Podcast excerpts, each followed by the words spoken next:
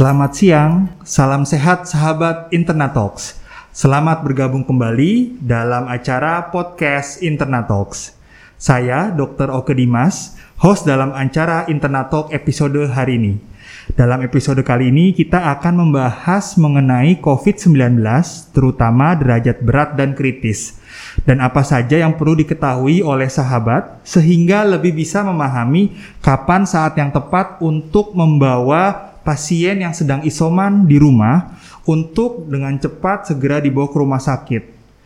Hari ini bersama kita semua ada seorang narasumber yang merupakan dokter spesialis penyakit dalam, ahli respirologi dan penyakit kritis.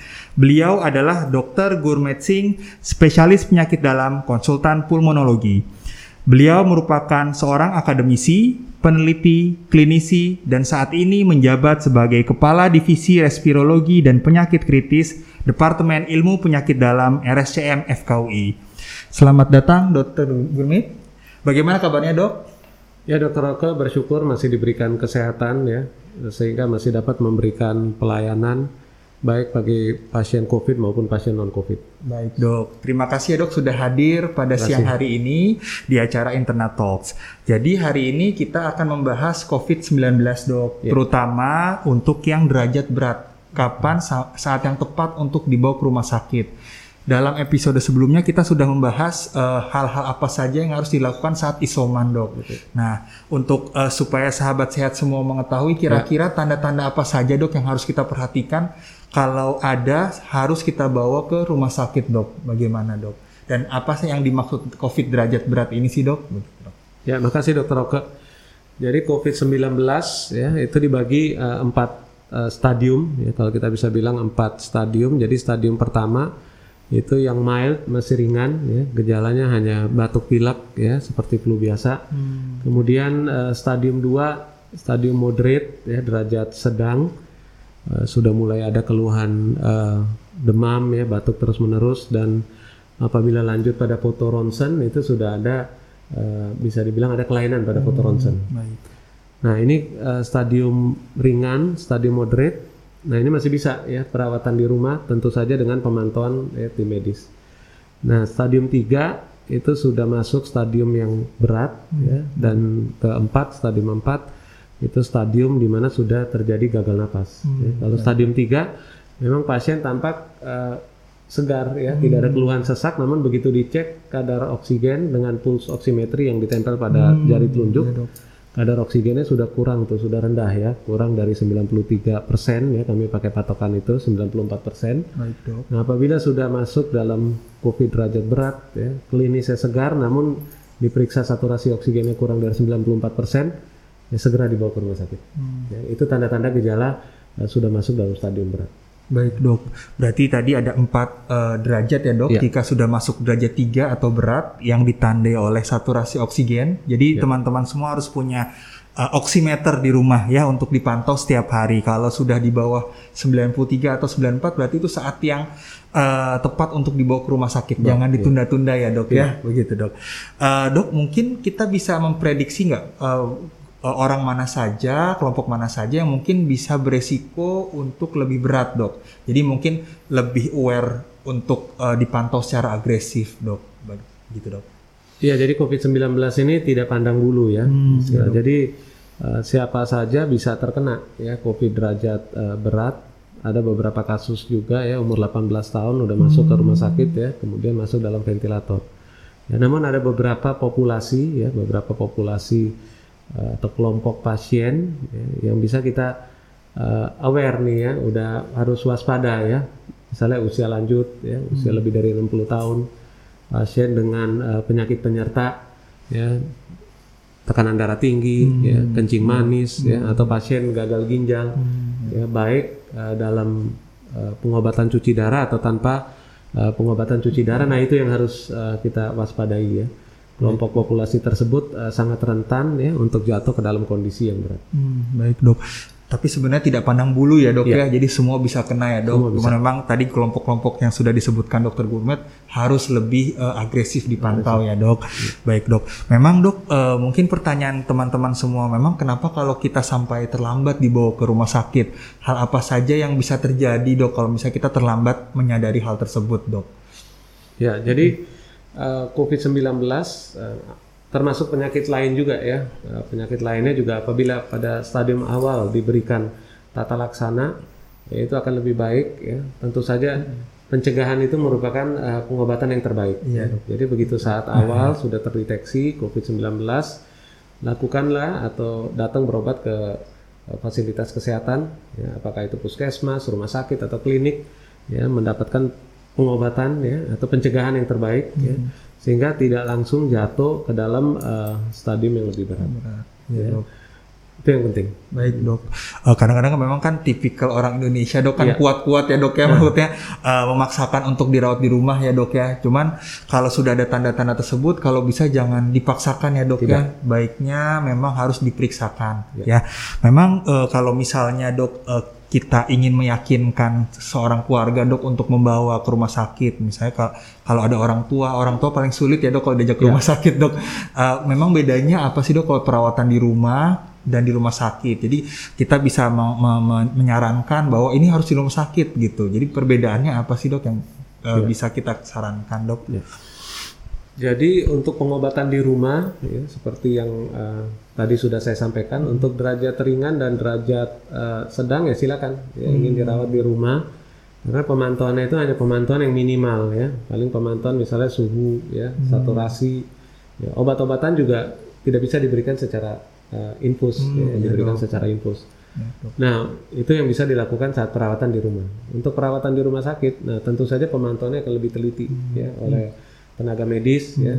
Obat-obatan juga eh, kita sudah mengetahui ada eh, bahkan bisa dibilang sebagian besar obat-obatan pada COVID berat itu harus diberikan eh, via infus. Via infus ya, dok, yang ya. tidak bisa diberikan di rumah. Ya, jadi pema- selain pemantauannya lebih teliti, lebih ketat oleh tenaga medis, obat-obatan yang memang diberi yang dibutuhkan ya untuk diberikan via infus itu hanya bisa dilakukan di rumah sakit. Hmm, baik dok. Jadi memang uh, kalau bisa teman-teman sahabat semua jangan uh, main-main dengan COVID berat ya dok Ya. ya. Jangan memaksakan untuk perawatan di rumah karena memang perawatan di rumah sakit akan dilakukan pemantauan secara lebih ketat. Lebih ketat. Mungkin dengan ini ya dok ditambah pemeriksaan penunjang Ya. seperti di ronsen, diperiksa darah sehingga kita mengetahui secara jelas uh, penyakit COVID-nya tersebut dan obat-obatannya bisa diberikan lewat infus ya dok ya.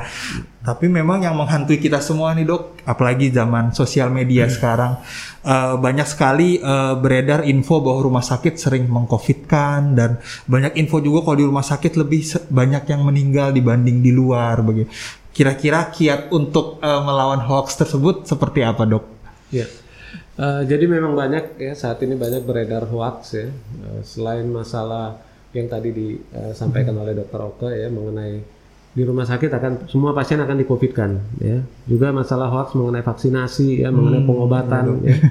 Ya, Kalau saran saya kita jangan percaya ya karena terhadap eh, hoax ya, hoax tersebut ya. Eh, tentu saja setiap dokter itu akan eh, memberikan ya, akan berusaha untuk memberikan yang terbaik bagi pasiennya ya. Kami eh, di rumah sakit ya, saya percaya semua dokter itu tidak akan mengcovidkan. Ya. Ada beberapa ya pemeriksaan yang akan ya dilakukan untuk memastikan bahwa ya ini pasien COVID-19 atau ini bukan pasien COVID-19. Dan nanti sesuai dengan eh, SOP rumah sakit yang bersangkutan ya eh, pengobatannya atau ruang perawatannya nanti sesuai kelompok apakah COVID-19 atau non COVID-19. Hmm, baik dok. Berarti jangan eh, khawatir karena tenaga medis tidak akan mengcovidkan ya dok ya. Kami selalu mengcovidkan kalau memang terbukti ha- eh, dari hasil pemeriksaan yang sudah dilakukan begitu. Dan mungkin eh, infonya juga dok eh, di rumah sakit banyak yang meninggal seperti itu dok. Bagaimana dok tanggapannya seperti itu? Gimana cara kita buat meng- eh, melawan hoax-hoax tersebut dok? Ya. Jadi memang eh, seperti yang sudah saya sampaikan, ya, COVID-19 eh, apabila datang pada stadium yang berat, nah itu biasanya eh, ke depannya prognosisnya kurang baik. Hmm, ya, dok. Sehingga untuk melawan hoax tersebut ya eh, pada saat sudah muncul eh, tanda-tanda COVID derajat berat, di antaranya mungkin demam ya, demam yang tinggi ya, kemudian eh, nafsu makannya sudah menurun ya, pada pemeriksaan pulse oximeter saturasi sudah rendah, Rendah, napasnya cepet juga ya napasnya dok sudah ya. cepat, Hmm, ya. ya segera bawa ke rumah sakit untuk mendapatkan pertolongan. Ya. Mudah-mudahan dengan eh, dibawanya ke rumah sakit pada stadium awal ya hasil akhirnya akan le- akan lebih baik. Baik dok, terima kasih dok. Jadi eh, kalau misalnya pasien sudah bersedia dibawa ke rumah sakit dok kan kita tahu juga ada ruangan biasa, ada ruangan intensif dok. Ya. Nah pasien-pasien seperti apa eh, yang eh, membutuhkan ruangan intensif? Kadang kita pasien suka bertanya ini eh, keluarga saya diminta untuk masuk ICU. Nah sebenarnya eh, seseorang kriteria apa eh, yang dapat memasukkan seseorang masuk ke dalam perawatan ICU sih dok sebenarnya dok? Iya. Jadi begitu atau saat pasien dibawa ke rumah sakit, tentu saja tim medis akan pantau ya, akan evaluasi apakah pasien tersebut bisa dirawat di perawatan biasa ya, ruang biasa atau perlu pemantauan yang lebih intensif ya. Pemantauan lebih intensif eh, bisa dilakukan di HCU, High Care Unit ya. Bisa juga di ICU, Intensive Care Unit. Apabila saat awal eh, datang berobat perlu pemantauan di High Care Unit, pasien akan dipasang high flow nasal kanal oksigen. Ya jadi oksigen dosis tinggi tentu saja ada kriteria yang perlu dipenuhi ya yang akan dipantau oleh tim dokter.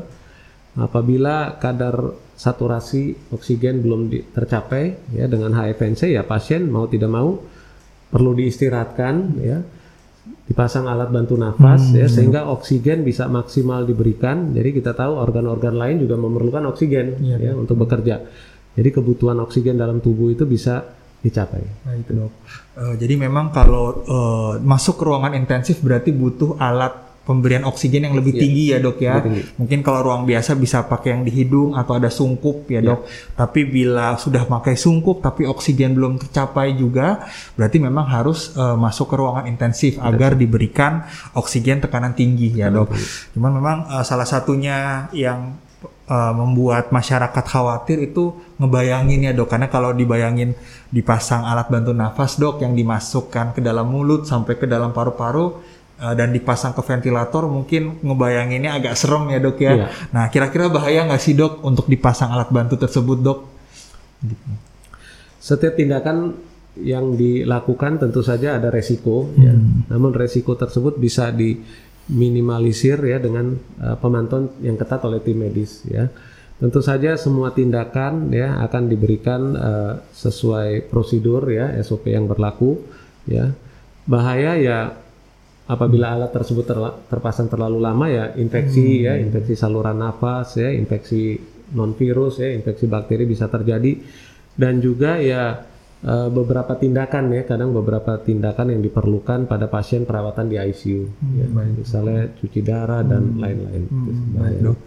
Jadi eh, eh, untuk sobat eh, sehat eh, intinya adalah key point yang pertama mempercayakan kepada tim dokter di rumah sakit itu ya, dok karena memang sudah ditimbang betul manfaat dan resikonya. Ya, apabila memang manfaat dipasang alat bantu nafas atau ventilator tersebut melebihi resikonya, pasti akan dianjurkan untuk dipasang ya dok ya. Memang terkendala, ter- kadang-kadang ruangan intensifnya penuh atau ventilatornya penuh. Jadi mem- eh, memang eh, teman-teman sobat-sobat sehat semua ini jangan sampailah jatuh ke kondisi berat seperti itu. Eh, sekarang ini karena memang COVID penelitiannya se- sedang lagi heboh-hebohnya ya dok ya banyak-banyaknya banyak sekali obat-obat baru ya dok. Kadang sampai masuk ke WA group di keluarga gitu dok. Oh masukin obat A, obat B, obat C begitu dok. Ada yang seperti obat-obatan stem cell, ada obat-obatan untuk anti radang yang kuat begitu dok. Ada uh, sekarang obat-obatan uh, yang macam-macam lah dok gitu dok yang tidak dapat disebutkan satu-satu. Kira-kira itu semua memang bermanfaat atau tidak sih dok begitu dok? Kadang-kadang membuat pas keluarga pasien bingung dok gitu dok. Eh, memang saat ini banyak sekali obat-obatan ya untuk COVID-19. Ya, kita tahu COVID-19 merupakan penyakit yang baru ya. Jadi ada beberapa trial atau penelitian yang dilakukan ya di rumah sakit. Nah, tentu saja trial tersebut kan sudah dalam pemantauan ya, pemantauan dari komite etik rumah sakit ya dan juga pemantauan oleh tim dokter ya. Jadi ya obat-obatan tersebut eh, tidak bahaya kalau diberikan di rumah sakit ya dengan pemantauan. Nah, kalau di rumah ya saran saya jangan eh, langsung aja percaya ya terhadap hoax yang beredar mungkin di sosial media ya atau via WhatsApp ya. Eh, karena dikonsumsi tanpa pemantauan justru uh, akan menjadi bumerang ya dok. uh, terhadap si pasien sendiri. Jadi saran saya ya apabila akan diberikan obat-obatan mohon didiskusikan kembali ya dengan uh, dokter yang merawat pasien tersebut. Baik dok. Jadi memang kalau sobat sehat semua mendapatkan informasi eh, ada baiknya untuk didiskusikan dengan tim dokter ya dok Ya. ya, agar eh, bisa sharing juga nih begitu. Eh, ada obat-obat yang sudah eh, penelitiannya mungkin menjanjikan ya dok ya. Ada penela- yang penelitiannya masih jauh. Jadi mungkin dokter bisa eh, akan membantu eh, sobat sehat semua dalam memilih obat-obatan yang tepat buat Ya. pasien, gitu, dok. Nah ini eh, kalau misalnya ada keluarga sobat sehat nih yang jatuh ke dalam COVID berat dok, masih bisa sembuh nggak sih dok berdasarkan pengala- pengalaman dokter selama ini dok? Ya, jadi em, pasien yang masuk ke dalam eh, stadium COVID berat, kembali lagi kita lihat apakah pasiennya datang dalam stadium eh, awal atau tidak ya. Apabila datang dalam stadium awal, tentu saja ada beberapa pengobatan yang dapat diberikan. Salah satunya oksigen bertekanan tinggi atau dosis tinggi ya. Kemudian ada lagi obat-obatan anti radang yang kuat ya untuk menekan eh, peradangan tersebut. Ya apabila diberikan dalam eh, stadium awal eh, biasanya akan ada perbaikan ya. Tentu saja perbaikan eh, sebagian besar dengan gejala sisa ya karena COVID berat.